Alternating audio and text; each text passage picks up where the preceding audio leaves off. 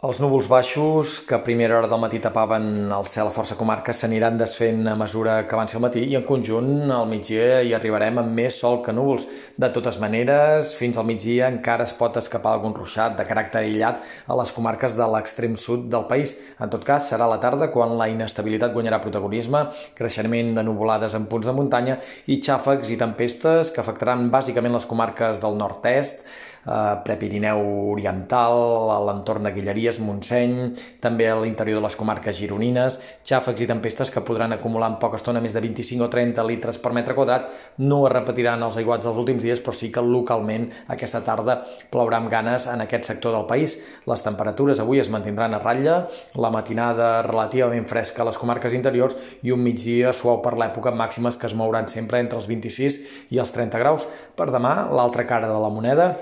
ja no plourà lloc, el sol recuperarà protagonisme i al migdia notarem 2 o 3 graus més que avui i de cara a l'inici de la setmana vinent sembla que es manté aquesta dinàmica tranquil·la d'estiu, temperatures que dilluns tocarien sostre amb màximes que fregarien els 35 graus cap al Pla de Lleida. Després els termòmetres a mesura que avancés la setmana anirien reculant progressivament, però en tot cas una setmana amb ambient més d'estiu que de tardor i amb ruixats que dilluns a la tarda podran afectar alguns indrets del terç nord del país, però sembla una setmana sense gaire gaires estones de paraigua, ara mateix dijous i divendres s'apunten com les jornades més insegures de la setmana.